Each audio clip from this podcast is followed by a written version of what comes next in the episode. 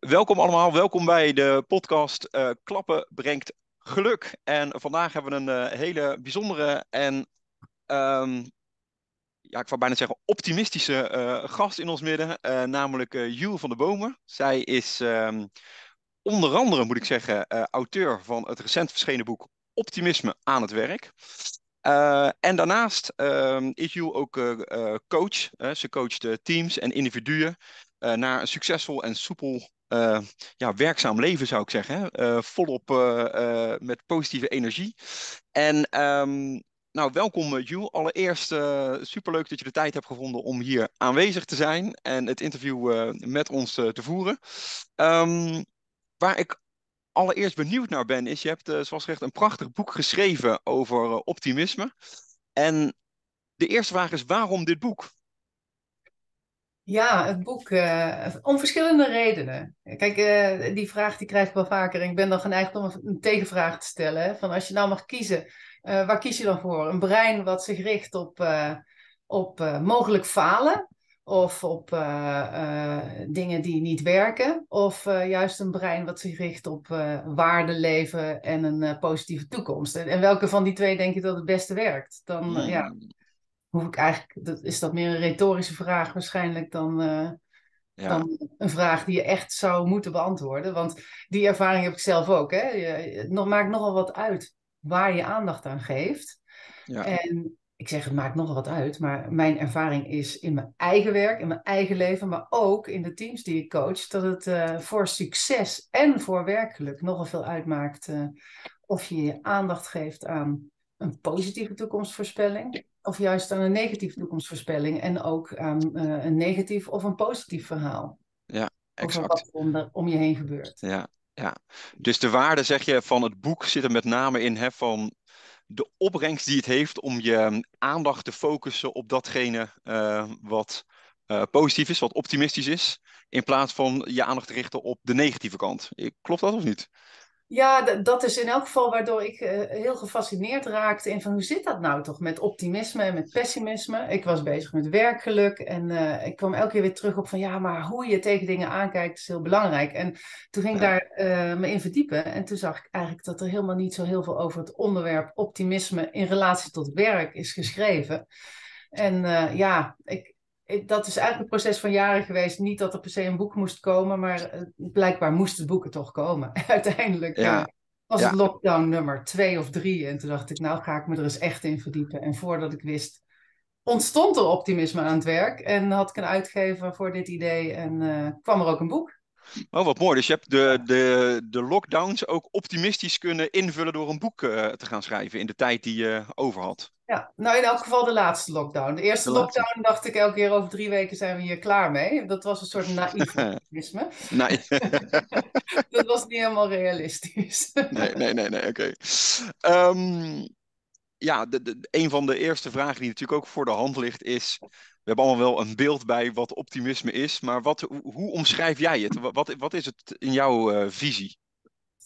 Ja, dat is ook een mooie vraag. En, en uh, ja, optimisme is eigenlijk, uh, wordt vaak gezien als heel blij zijn en alles maar positief benaderen. Maar zo kijk ik er niet per se naar. optimisme is wat mij betreft echt een mindset. Het is in tegenstelling tot geluk, hè, mhm. Is het niet zomaar een gevoel. Het is echt een houding, het is een, een mindset. En die mindset uh, die karakteriseert zich doordat men, optimisten, mensen die optimisme hebben en, of optimistisch zijn, uh, die hebben eigenlijk hoop en vertrouwen in een goede toekomst en ook in een succes. En daarnaast kijken ze naar de werkelijkheid om zich heen en de ervaringen die ze hebben op een andere manier dan pessimisten. Ze interpreteren die werkelijkheid op een andere manier. En dat doen ze eigenlijk, en, en dit uh, heb ik ook ontleend aan de positieve psychologie hoor, deze uh, elementen van die definitie. Maar dat doen ze eigenlijk vanuit een soort basisvertrouwen dat je zelf invloed kunt uitoefenen, tot op zekere hoogte, uh, om zaken positieve draai te geven. En ook om je reacties op tegenvallers op een bepaalde manier te kunnen managen. Ja, ja. oké, interessant. Dus je zegt het is echt een, een mindset, een houding. en Ehm, ik hoor een aantal keer in je verhaal doorschemeren het, het woord vertrouwen. Dat spreekt er wel, dat is een belangrijk onderdeel als je het hebt over de vraag wat is optimisme, dan speelt vertrouwen daarin een belangrijke rol. Ja, ja ik heb, ben zelfs zo ver gegaan dat ik uh, mijn eigen formule heb gecreëerd. Kijk, nu zitten we allemaal op ons puntje van ons stoel. Ja. maar het is eigenlijk heel simpel. Uh, optimisme ontstaat wanneer vertrouwen groter is dan angst. Dat is eigenlijk waar ik elke keer toch weer op terugkwam. Ja. Uh, dat dat de, eigenlijk de essentie is van optimisme. Uh, ja. Als je ergens in gelooft dat iets positief gaat uitpakken, dan laat je drijven door vertrouwen. terwijl ja, als, als angst groter is dan dat vertrouwen, dan, dan ga je meestal ook je energie niet inzetten. Ik zeg ook heel vaak, optimisme is eigenlijk de brandstof in onze motivatiemotor. Daarom is het ook zo intrigerend. Ik vergelijk het met, ook wel met uh, beleggen. Je belegt je geld niet in aandelen waarvan je denkt, het vertrouwen niet hebt, dat ze het niet goed gaan doen. Ja. Je ziet het nu ook natuurlijk weer aan de banken. En dan ja, ja, ja, ja. Aandelenkoersen die dalen. Uh, vertrouwen en angst zijn nou ja, twee uh, begrippen die elkaar erg beïnvloeden en die wat doen met waar, hoe we ons geld dus in de beleggingsmarkt, maar ook onze energie in ons werk ja activiteiten en onze tijd willen investeren. Ja, mooi. Dus je zegt als het vertrouwen groot genoeg is, dan ga je ook vol energie ga je ervoor. En uh, dan heb je dus inderdaad het vertrouwen dat het wint van de angst. Om ook uh, nou ja, eh, succesvol te, uiteindelijk te zijn in wat je gaat doen. Ja. ja. en vertrouwen is natuurlijk een breed begrip. Ik zie het in teams, het onderling vertrouwen. Het kan gaan over het vertrouwen in je eigen kunnen. Het kan gaan over het vertrouwen in je leiderschap. Uh, en uiteindelijk wat optimisten eigenlijk doen, zonder dat ze doorhebben vaak. Behalve als ze mijn boek hebben gelezen dan, misschien hebben ze het nu wel door. Maar uh, is wat, ze, wat ze eigenlijk doen is uh, bouwen aan dat vertrouwen. Door die informatie uit te zoeken, daarop te focussen, die hen helpt in wat ze willen bereiken. Door hun aandacht te managen, door hun energie op een bepaalde manier te investeren.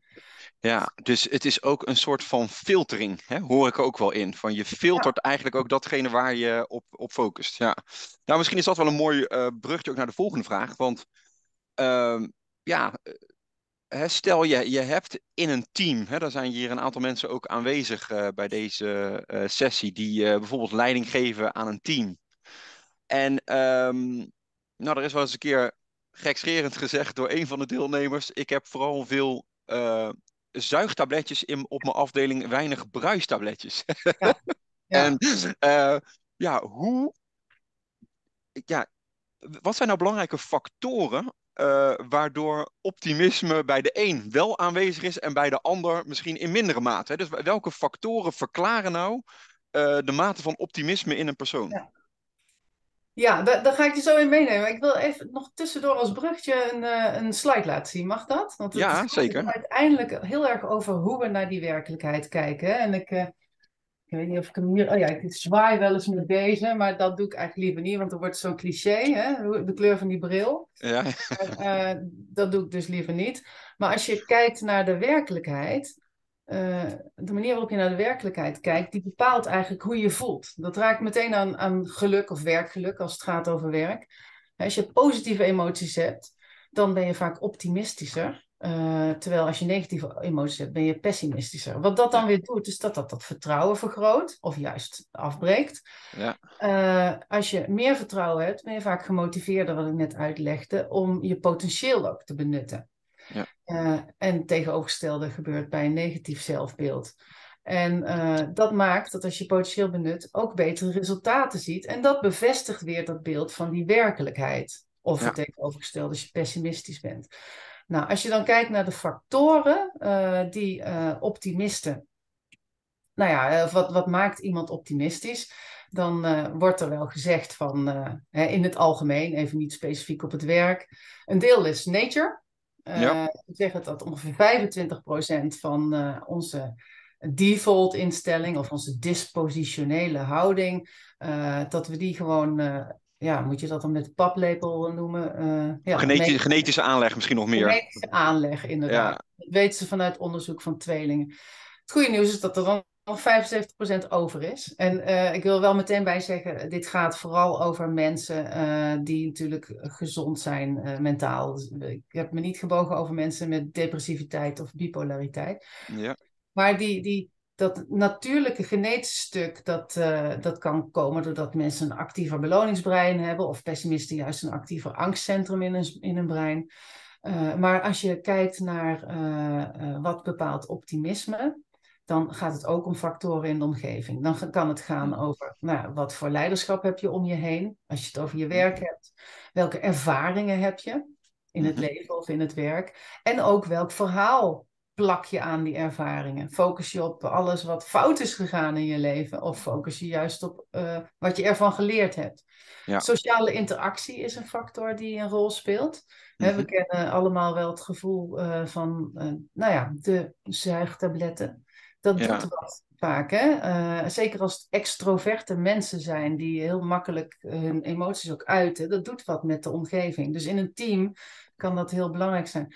Nou, wat, wat heel erg helpt om met elkaar optimistisch te zijn, is dat je als leidinggevende beseft dat het heel belangrijk is om uh, het team voor het team, of vooral samen met het team, uh, een echt inspirerende positieve visie te laten creëren. Eentje waar mm. tractie op zit, die aantrekkelijk is, die gericht is op iets wat je met elkaar wil bereiken, die gericht is op het toevoegen van die waarden en niet uh, vooral op het vermijden van allerlei zaken. Ja.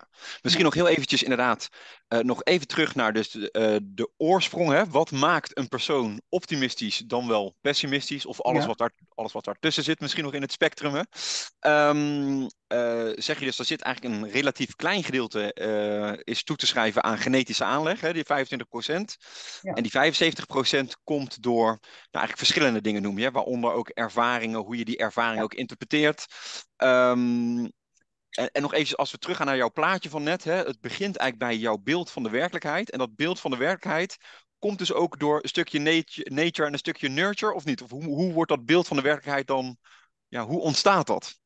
Nou ja, sommige mensen zijn geneigd om dus heel snel uh, uh, ja, zich te laten verleiden door allerlei aantrekkelijke dingen. Die hebben een wat actiever beloningssysteem. Dus die ja, zijn ja. daar al een beetje meer op ingesteld. Wat interessant is om te weten, is dat we allemaal in ons brein een, uh, een klein filtertje hebben, noem ik het maar. Dat, noem je, uh, dat heet je Reticular Activatory System. En dat filtert voortdurend alle informatie om ons heen. Nou ja, ja. bij uh, sommige mensen zal die, als je een actief angstcentrum hebt, dan ben je veel meer gericht op wat er mogelijk fout kan gaan. Ja. Dan wanneer je een een heel actief beloningscentrum hebt, dan negeer je misschien wel alle risico's en uh, doe je de ene daredevil uh, sport na de andere. Uh, ja. en, en daar zit natuurlijk een heel spectrum tussen. Hè? Maar ja. dat is een beetje het, het nature verhaal. Maar ja. je kan natuurlijk ook op die manier opgevoed worden. En je kan in een omgeving verkeren waarbij iedereen kijkt naar wat er fout kan gaan. Ik heb zelf bij een bank gewerkt en ik zeg altijd maar, ik mag ook hopen bijvoorbeeld op de afdeling risk management van een bank, dat ze daar uh, vooral kijken naar wat er allemaal fout kan gaan. Ja, exact. Een afdeling innovatie daarentegen is weer veel meer bezig met uh, wat er ja. allemaal is. Dus er zijn inderdaad bepaalde uh, taakgebieden waarbij een kritische blik eigenlijk juist heel wenselijk is. Ja, en, en ik zou zelfs ook durven zeggen dat je in de meeste teams ook een mix moet hebben. Ja. Want uh, uh, alleen maar positivo's, hè, dat, dan kom je, raakt het meteen aan dat, uh, dat stukje waar mensen ook allergisch voor zijn, hè, het blij-ei-verhaal. Het ja. naïeve optimisme, het doorschieten in blind optimisme, het niet meer kijken naar wat er mis kan gaan. kijk, de meeste pessimisten zeggen, ik ben een realist, maar niemand is een echte realist, want we geven altijd kleur aan de werkelijkheid. Maar in een team is het fijn dat als je in, moet gaan innoveren, moet gaan vernieuwen, dat er een groep is die even blind, niet gehinderd door uh, van allerlei uh, uh, belemmeringen, ja. durft te brainstormen, kan brainstormen. Maar die moeten zich ook realiseren dat alle ideeën misschien nog even wel door een soort haalbaarheidsmangeltje gehaald moeten worden. Nou, daar kan je dan pessimisten weer goed bij gebruiken. Bij, voor inzetten, ja, mooi. Ja. Um, ja, en je was er net volgens mij al een beetje mee begonnen. De vraag is natuurlijk ook heel interessant. Uh, van hoe vergroot je het? Hè? Dus hoe kan je het optimisme binnen jouw team, hè, als dat relevant is voor de taken die je te doen hebt, uh, hoe kan je dat dan op dat moment ook vergroten? Heb je daar tips voor? Volgens mij wel. Uh, ja, daar heb ik een aantal tips voor. er staan al heel veel in je boek namelijk, ja. Ja, ja, ja nou, er staan al heel veel in mijn boek. Ik moet wel zeggen, het boek is vooral geschreven voor leidinggevenden en voor coaches. En uh, nou ja, dat, uh, het boek, dat, ik heb begrepen, het komt ook jullie kant op. Uh, dat mag Zeker. ik dat nog niet zeggen, Erwin. Ja, dat wilde ik dadelijk doen, maar bij deze mag je dat. maar, maar, maar, het is vooral gericht op, op individuen, het boek. Er, ik hoop dat er ooit nog een boek komt over teams. Maar als leidinggevende kun je wel spelen met alle informatie die in het boek zit. En dan kun je denken ja. aan dingen die. dan gaat het over het hebben van die heldere positieve visie, wat, wat ik net noemde. Uh, wat ook belangrijk is, is dat je natuurlijk mensen het gevoel geeft en ze ook helpt bij het vergroten van wat je wel noemt hun regelvermogen. Ik weet niet of ik die term in het boek gebruik, maar het hebben van uh, het gevoel dat je controle kunt uitoefenen is belangrijk. Als je alles als leidinggevende dicht timmert, dan gaat het niet echt helpen om mensen optimistisch te laten zijn. Nou, uh, hoe heb je support en, en een vangnet inge, uh, ingeregeld als mensen risico's moeten nemen in hun werk? Dat is een belangrijke. Uh, er zijn, uh, als je kijkt naar sfeer en, en cultuur, dan is het belangrijk dat je kijkt naar hoe wordt er hier gepraat. Uh, ja. ja, ik noem het ook wel toveren met taal. Welke woorden gebruik je? Ik heb een klant en die heeft het altijd over van nou, als we niet dat plan gaan doorvoeren, dan loopt er bloed uit. Of nou, ja. een burning platform. Nou, ja, dan ja. zet je mensen al echt, hun brein zet je al in een andere stand dan wanneer je met ze gaat kijken naar van wat kunnen we met elkaar mogelijk maken. Ja, en, en, ook het richten van aandacht, het stellen van vragen over sterktes, over wat er goed gaat, over wat er al werkt, of waarvan mensen denken dat het zou kunnen werken. Daarmee richt je ook aandacht en dat vergroot optimisme. Ja, in tegenstelling tot hè, aandacht richten op alles wat beperkt of wat ontbreekt. Ja, en een aantal van die elementen die jij nu ook noemt, heb je volgens mij ook heel mooi samengevat in het Power-model. Ja. Um, is het, ik zit even te denken, ook voor de mensen die hier live bij zijn, is het interessant om die nog eventjes ook te laten zien of niet? En, wat, en misschien kan je het ook even kort nog toelichten van wat is het Power-model? Volgens mij geeft dat ook heel mooi antwoord op de vraag van ja, hoe, hoe vergroot je het? Hè? Hoe kan je ermee aan de slag gaan? Ja, ja, en het, specifiek het power model. Want in het boek komen twee uh, modellen voor, Power to Change. Maar ik zal in, elk geval even het power model delen. Ik, volgens mij gaan we ook vliegen door de tijd heen. Um, ik neem jullie even mee. Is de... Even snel er naartoe. Uh, het power model. Ja, als je kijkt naar het power model dan uh, ja, dat zijn eigenlijk de krachtbronnen van optimisme die je hier ziet. De P die staat voor het hebben van een positieve visie, dat heb ik eigenlijk al genoemd. Dat kan gaan over uh, hoe zie jij jezelf als je best possible zelf in je uh, werk, maar het kan ook gaan over wanneer is je team op zijn best. Of ja. wat wil je met elkaar neerzetten? Nou, daar kun je helemaal in uitleven. Maar het is echt aangetoond. Ze weten niet precies hoe het werkt, maar dat de oefening, hè, het, het formuleren van je best possible zelf en daar op uh, frequente basis aandacht aan geven, dat dat je veel optimistischer maakt en ook vaak wat succesvoller. Ja, wat heeft dat dan ook te maken met eigenlijk hè, het breinmechanisme wat je ook in het boek beschrijft? Van, ja, daarmee zet je ook activeer je ook bepaalde delen in het brein. Hè? En je hebt het ook gehad ja. over de, de neuroplasticiteit. Hè? Dus dat, dat wat, wat, je, wat ja. je aandacht geeft, groeit, kan me ook voorstellen dan. Hè? Ja, precies. Wat je doet is die, eigenlijk stel je die innerlijke navigatie uh, in, of uh, die focusfilter op de dingen die je belangrijk vindt, die je wil bereiken.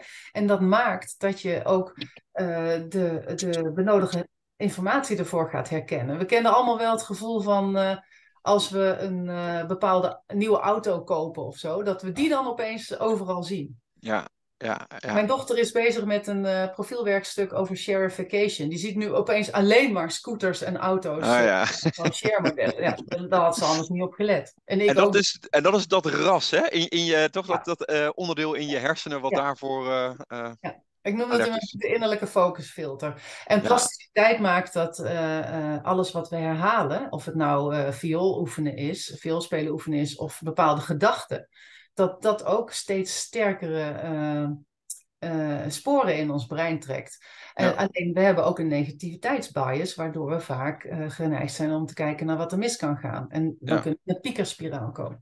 Nou, dat is de positieve visie. de tweede letter, die, de O, die staat voor het optimaliseren van die realiteit. En die hangt daar een beetje aan vast. Want uiteindelijk gaat dat echt heel erg over het het vergroten van je blik. Het uh, kijken naar de werkelijkheid vanuit verschillende invalshoeken. Het besef alleen al dat er niet maar één, er is wel één feitelijke werkelijkheid, maar dat we daar altijd een kleurtje overheen leggen met hoe we die interpreteren. En dat mhm. jij hem anders interpreteert dan ik of dan uh, Tante Truus. Dat, dat is altijd, je hebt de mogelijkheid om nadruk te leggen op bepaalde informatie of om je informatie te verbreden, om andere invalshoeken te kiezen. Ik noem dat ook wel je perspectiefspier uh, ja. trainen. Ja, ja. Uh, en, en we hebben een frame. Wat past er in het frame? Ja. Waar willen we op focussen? Dus wat zie je? Hè? Wat, ja, dat is eigenlijk uh, stap 2. Ja. ja, en welke kleur heeft die lens? Hij is nu ja. wel heel donker. Misschien moet ik toch eens kijken of er ergens een lichtpuntje is te vinden. en dat klinkt allemaal heel simpel. Nou ja, de, de uh, de W staat voor welzijn. Dat is, nou, daar heb jij vast al heel veel over verteld. Welzijn in het werk. Uh, ik, ik gebruik het PERMA-model van Martin Seligman uit de uh, positieve psychologie daarin. Ja. als je niet lekker in je vel zit, ben je vaak, is het ook moeilijker om optimistisch te zijn. En dat zijn communicerende vaten. Dus ja, aandacht aan je welzijn geven is belangrijk. De ja. E staat voor energie. Hè? Het gaat heel erg over het richten en uh, managen van je aandacht, maar ook je energie. Vaak weten we wel dat we veel of weinig energie hebben, maar hoe zorg je ook dat je positieve energie, uh, vanuit een positieve energie werkt? Ja, dus en, de kwaliteit van de energie heb je het dan ook over. Ja, ja ik heb ja. daar volgens mij ook, uh, nou daar heb ik ook inderdaad een plaatje van. Even om hem aan te plakken. Nou, de R staat voor rekkracht, omdat veerkracht past er niet in het woord power, maar het gaat dus uiteindelijk over, kun je leren van je tegenslagen? En uh, welk verhaal vertel je zelf over die tegenslagen? Ja, dus hoe veer, je, hoe veer je terug eigenlijk, hè, na, na tegenslag? Ja. ja, precies. En ook, uh, we zijn vaak veel veerkrachtiger dan we denken. Kun je ook intappen op wat je al hebt meegemaakt. Dit is uh, de energiematrix die ik heb aangepast. Dat is iets wat bestaat, maar hè, we zijn vaak veel vaker bezig dan we willen in worstel- en vechtenergie. Mm -hmm. Helemaal tegenovergestelde van optimisme is aangeleerde hulpeloosheid. Hè? van, nou ja, ik kan toch niks beïnvloeden. Geef mijn portie maar een fikkie, ik doe eigenlijk niks. Dat is ja. en apathie-energie. Dus dat gaat, dat gaat al richting depressie eigenlijk, hè? of niet? Ja, ja het is het, het languishing of uh, het uh, floundering in je werk, hè? of het quiet quitting. Ja, ja, ja, exact. termen die, die lijken hier wel op. Ja, ja ach, ja, kan toch Afgehaakt zijn, ja. Haak ja. af en ik loop hier nog wel rond. Of ik uh, ga inderdaad echt helemaal weg. maar dan neem je nog actie in elk geval. Positieve prestatie-energie is wat we willen, maar ook dat kunnen we niet 100% van de tijd. we kunnen niet continu in die zone zitten, want we moeten gewoon af en toe gewoon opladen. Ja. Ja. Oh, je was er nog één vergeten inderdaad, hè? Of de, dat is inderdaad ja, de, de, rechtsonder. Ja, ja. Ja, de op, ja, de oplaad- en comfortenergie is dat. De oh, sorry, die had, die, oh, die had je ook ja. ja. Ja, ja, ja, exact. Dus en je wil het liefst in de groene kant zitten. Ja, exact. En dan kan je niet altijd rechtsboven zitten. Af en toe is het ook goed om even rechtsonder te zitten. En, uh, ja, om weer op te laden. Op te laden, ja. Mooi. Ja. Oké, okay, helder. Dus je zegt, nou, dit is het power model. Dat zijn eigenlijk die krachtbronnen. Um, en je zegt daarnaast heb je ook nog het change model. Is het toch handig om die er nog even bij te pakken? Omdat die ook, vind ik Ja, jij bent de baas van de tijd. Ja, laten we het nog, laten we nog heel even doen. Ja. ja, ja, want power is de krachtbronnen. En change is eigenlijk het model van de houdingsaspecten. De, de, de manier waarop je optimistisch door veranderingen heen gaat. Door, misschien ook wel door crisis, door tijden van onzekerheid, waarin we vaak ook gedwongen zijn om te veranderen. Nou ja, het is in een verandering, in, of die nou gewenst is of niet, is belangrijk om je te realiseren dat, je noemde net al neuroplasticiteit, Erwin, ons brein is voortdurend zich nog aan het doorontwikkelen. Uh, we maken neurologische verbindingen aan in ons brein en dat doen we door dingen te herhalen. Dus als we iets nieuws moeten doen, dan voelt dat heel oncomfortabel. En dat hoort gewoon bij verandering. Dus de eerste uh, letter staat voor ga die comfortzone uit. En daar heb ik een haat-liefde relatie mee hoor. Want ik vind het heel fijn in de comfortzone en wij allemaal. Maar ik zie ook bij teams, bij individuen, dat we vaak, ondanks dat we toch uh, last hebben van zaken, uh, toch te lang in het oude bekende blijven hangen. Want we weten wel wat we hebben en we weten niet wat we kunnen krijgen. Ja. Uh, de, de winst van het blijven zitten waar je zit is vaak te groot. Mm -hmm. En ja, is, we kiezen voor zekerheid. Nou, die is dus belangrijk. Uh, en buiten de comfortzone vindt groei plaats en niet erin. Ja. de H staat voor Healthy Habits. Dat is natuurlijk gezond eten, gezond, of, goed slapen en goed bewegen. Dat heeft al die factoren hebben invloed op hoe we ons voelen, ook mentaal. Dus ook een heel leuke tip is om te gaan even te googlen op het mood Food for Mood onderzoek. Dat noem ik ook in mijn boek uh, bij de H van Healthy Habits. Ons eten heeft heel veel invloed. Maar ik heb het hier ook over uh, zorg dat je ook echt optimisme gewoonte uh, creëert. Als je die best possible zelf of voor je team of voor jezelf hebt geformuleerd, verbind je daarmee elke dag. Kijk wat je hebt bereikt op dat vlak. Uh, kijk, uh, de, de, bekende dankbaarheidsoefening. Uh, aan het eind van de dag kijken naar drie dingen waar je blij van bent geworden. Kun je ook met een optimisme saus uitvoeren. En kijken naar, hey, wie, wat zijn hulpbronnen geweest die ik in mijn leven heb gehad of vandaag ben tegengekomen? Of waar ben ik trots op? Wat is goed gelukt? Wat is boven verwachting positief geweest? Ja. En zo vergroot je die optimismespier. Het is wel leuk, hè? we zeiden al even in de, in de voorbespreking. Um, gaf ik als voorbeeld dat ik elke dag om half vijf stop ik. En heb ik nog een half uur de tijd om even in een, in, een, in een aantekenboekje op te schrijven. Wat zijn nou mijn drie opbrengsten van vandaag geweest? En wat worden de drie opbrengsten van morgen? Weet je wel, zo sluit je je dag altijd heel, vind ik voor mezelf, heel optimistisch af. Maar het geeft ook een soort optimistisch beeld voor morgen. Van oké, wat ga ik dan doen?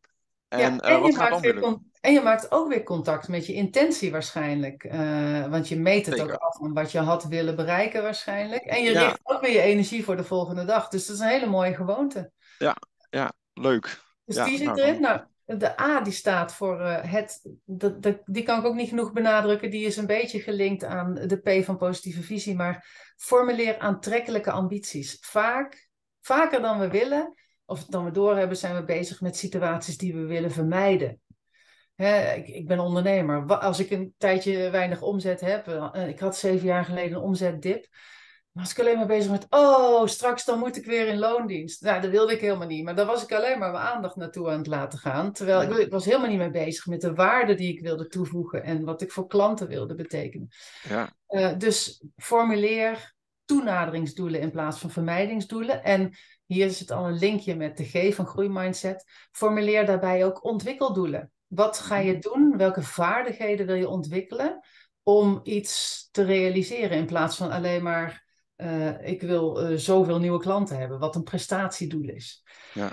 En vier successen. En vier ook, uh, hou ook de een, ja, die hou je niet echt bij, maar realiseer je dat uh, groeien langzaam gaat. Je eigen kinderen zie je ook niet groeien, terwijl die van je broer of je zus, die, die schieten de, de, de, lucht in uh, als je ze ja. weer ziet. Dus sta ook stil bij de progressie die je boekt, bedoel je dat of niet?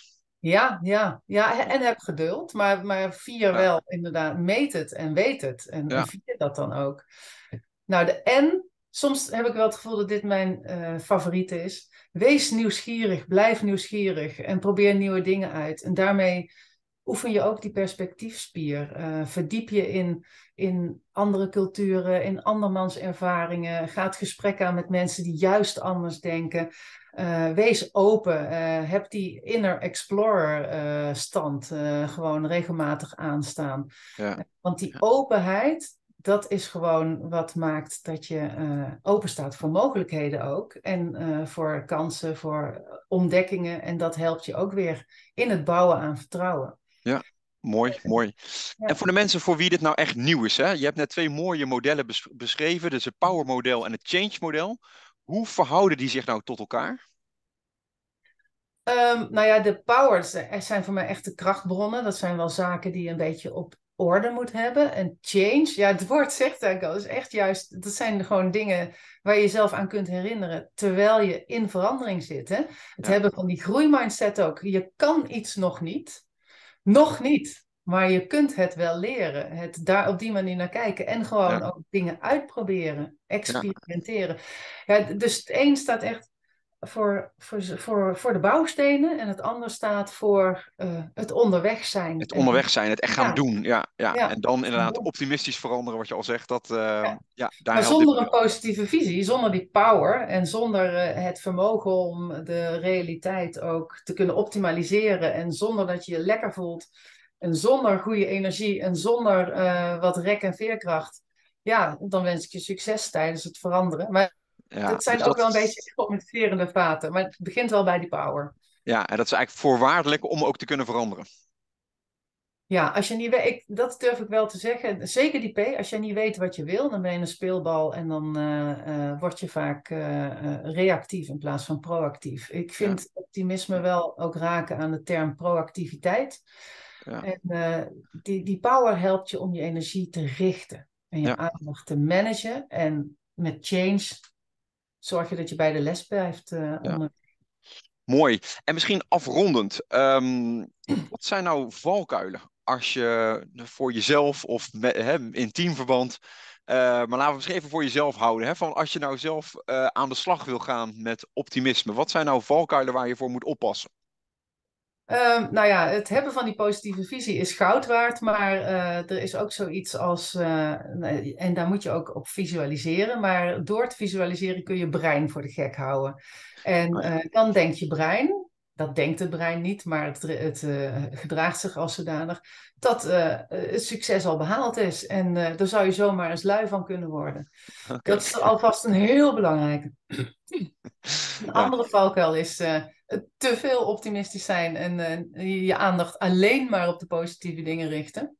Ja. Zodat je je blikveld juist ook weer de verkeerde kant op versmalt en, en risico's negeert. En wat ik ook wel een hele belangrijke vind, is nou ja, dat we toxic positivity creëren met z'n allen. Hè? Gij zult gelukkig zijn, gij zult optimistisch zijn, gij zult alleen maar over positieve dingen praten. Ja, ik wil die disclaimer heel graag hardop noemen. Nee, nee, nee, want alle emoties hebben een functie. Ja. Ook negatieve. Dus uh, zorg dat je daar ook wel oog voor houdt. Bij jezelf en ook uh, bij anderen. Ja. Uh, optimisme gaat voor mij over het managen van je aandacht. Het visualiseren van waar je naartoe wil, maar ook het visualiseren van het pad er naartoe. Het gaat ook heel erg over eerlijk zijn tegenover jezelf, wat je spannend vindt. En dat benoemen, die emoties daar ook in benoemen, erkennen. Ja. En dan uh, gaan kijken naar hoe je, ja, hoe je daarmee om wil gaan. Ja, nou ik denk dat dat ook een hele mooie afronding is. En dat sprak mij ook heel erg aan in het boek uh, toen ik het las. Nou, ten eerste was ik heel erg onder de indruk door de hoeveelheid kennis die je over optimisme in het boek hebt weten te, op een hele leuke manier hebt weten te vertellen. Dank je. Um, en daarnaast vind ik het ook heel erg mooi dat het ook een genuanceerd beeld geeft. Hè? Inderdaad, precies waar je nu net ook mee afsluit je noemt het zelf realistisch optimisme. Hè? Dus niet doorschieten in een soort van alles happy de peppy. En uh, nee, hè? ook ongeluk en pijn mag er ook gewoon zijn. En het is ook goed omdat ja. ook. Uh, het heeft ook een functie inderdaad. Hè? Alle emoties heb je, hebben een functie, zoals je uh, ook mooi zegt. Um, dus ik wil je ontzettend uh, bedanken, uh. Allereerst voor het prachtige boek wat je hebt geschreven en uh, daarnaast ook voor dit interview. Um, mochten er nou mensen zijn die zeggen, nou, ik wil hier echt heel graag mee aan de slag voor mezelf of voor mijn team. Um, hoe kunnen ze jou bereiken? via mijn website www.topteamismatwork.com of via de mail jules.topteamismatwork.nl Helemaal goed. Dan wil ik je nogmaals ontzettend bedanken en we spreken elkaar snel weer.